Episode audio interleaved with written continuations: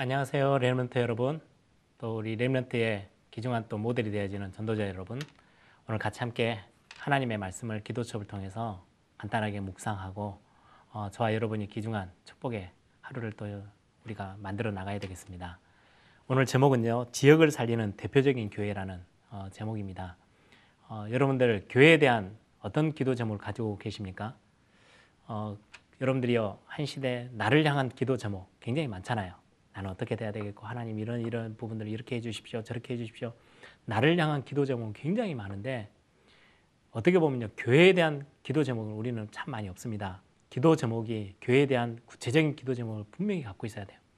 교회가 응답을 받지 못하면요 아무리 개인이 대단한 삶을 살아도 굉장히 공동체라는 복음 안에서 한 몸이 되어지는 지체가 되어지는 교회가 어려워지면 개인은 당장 어려움에 처할 수밖에 없습니다. 그래서 저와 여러분 특히 우리 렘런트들은요 교회를 향한 올바른 기도 제목 딱 붙잡기를 바랍니다. 어, 그런 의미에서 저희 교회에서는요 어, 예배 딱 시작하면서 하나님이 함께하는 교회 우리 렘런트가 지은 찬양 있죠.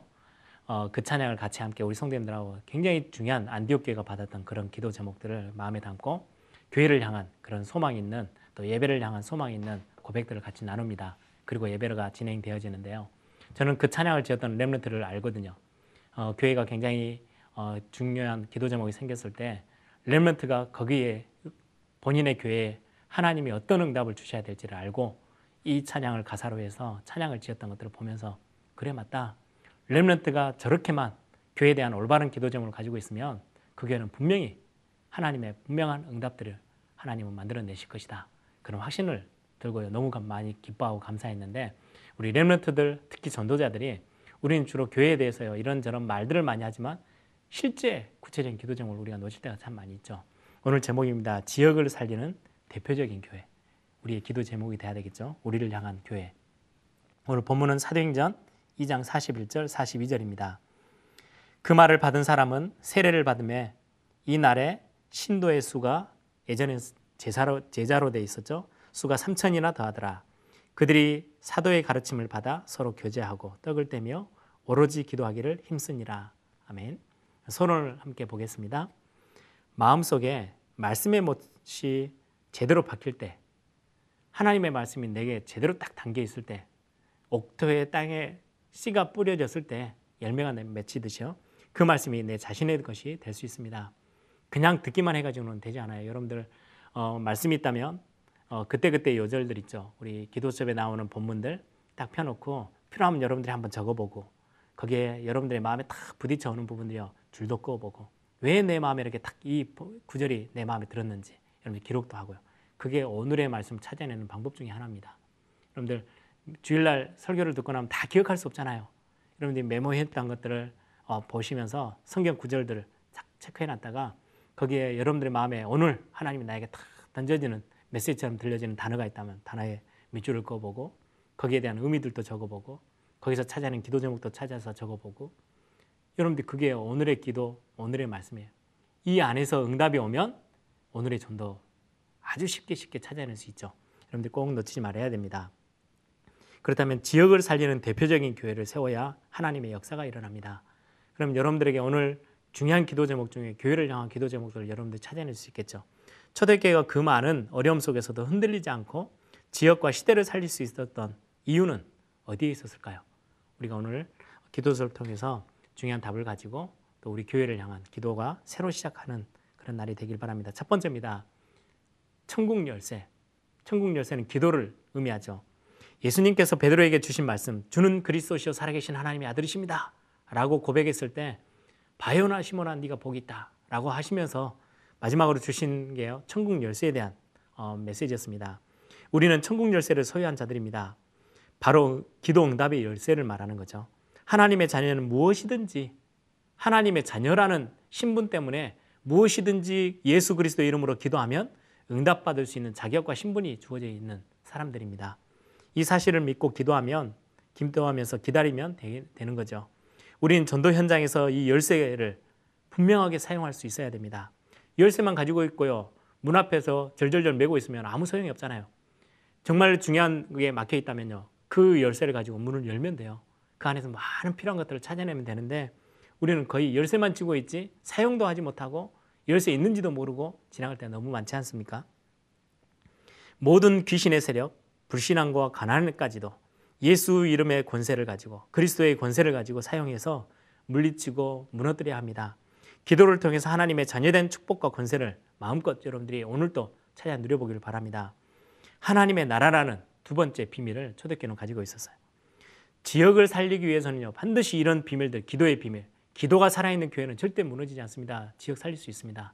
두 번째는요, 하나님의 나라라는 비밀을 가지고 있는 교회는 지역을 살리는 대표적인 교회가 될 수 있어요. 예수님은 40일 동안 제자들에게 하나님의 나라에 관하여 설명을 했죠. 이 말은 얼마나 중요했다면 부활하셔서 승천하시기 그 40일 동안 하나님의 나라에 대한 설명들을 했어요. 우리가 예수님의 이름을 부르면 하나님의 나라가 분명히 임하게 됩니다. 우리가 기도할 때마다 눈에 보이지 않는 주의 천사들을 하나님 보내시죠. 우리의 배경이 하나님의 나라라는 거죠. 이것을 뭘 가지고 누릴 수 있느냐? 기도를 통해서 누릴 수 있어요. 우리가 있는 현장 곳곳에 말씀 활동을 펼 때마다 그곳에 하나님의 나라가 또 임하게 되어집니다. 여러분들 곳곳에 지교회 말씀 운동과 전도 운동을 할 수 있는 지교회들이 세워졌다. 그럼 그 지역을 살려낼 수 있어요. 왜요? 흑암 세력들이 무너지는 하나님의 나라가 임한 것이기 때문에 예수 그리스도의 이름의 권세를 가지고 가는 곳마다 하나님의 나라가 임하고 현장에서 제자들을 찾게 되어지며 성령의 역사가 일어나는 것이 우리의 사명입니다. 이 일들을 가져오게 하는 게 우리의 사명이죠. 여러분들이 교회 갈 때마다 기도하십시오. 하나님의 나라라는 단어 안에는요. 성령의 역사, 하나님의 역사, 정말로 중요한 예수 그리스도의 그 어마어마한 능력 이것들이 다 포함되어 있고요. 하늘 군대들이 동원되어지고 흑암색들이 무너지는 이 축복이 싹 다 포함되어 있는 단어가 하나님의 나라입니다. 그럼 얼마나 중요해요. 교회 가면서 하나님 우리 교회 성령의 역사 일어나게 하옵소서. 또 더 중요하게 하나님의 나라 임하는 축복이 있게 하옵소서. 오늘 예배 동 예배하는 동안에 하나님의 나라가 임하게 하옵소서. 여러분들 꼭 기도하시기 바랍니다. 세 번째입니다. 말씀이 선포되어지는 교회. 교회 강단이 축복을 받아야 교회와 예배가 다 살아나고요. 성도와 주의 종들이 힘을 얻게 됩니다. 그러면 목사님을 강단에서 말씀 전하는 목사님을 위해서 얼마나 중요하게 기도해야 되는지 아시겠죠? 초대교회 성도는 사도의 가르침을 받고 오늘 메시지처럼 본문처럼 현장 살릴 힘을 다 얻었습니다.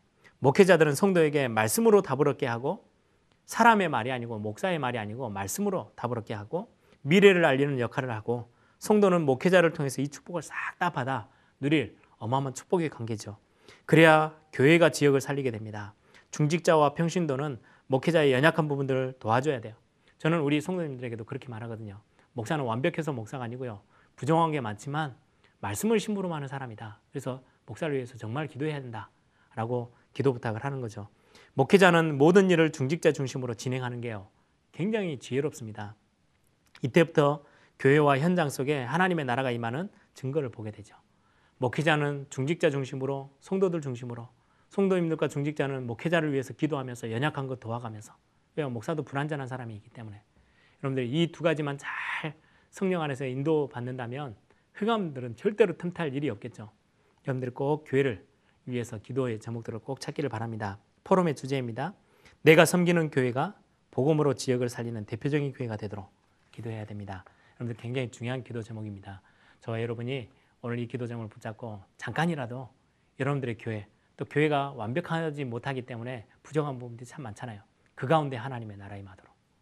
그 가운데 정말로 여러분들이 기도의 열쇠, 최고의 열쇠, 천국 열쇠를 가지고 기도할 때마다 하나님은 교회 축복하시고 목회자와 중직자와 교회 현장 다 살려낼 줄 믿습니다. 기도하겠습니다.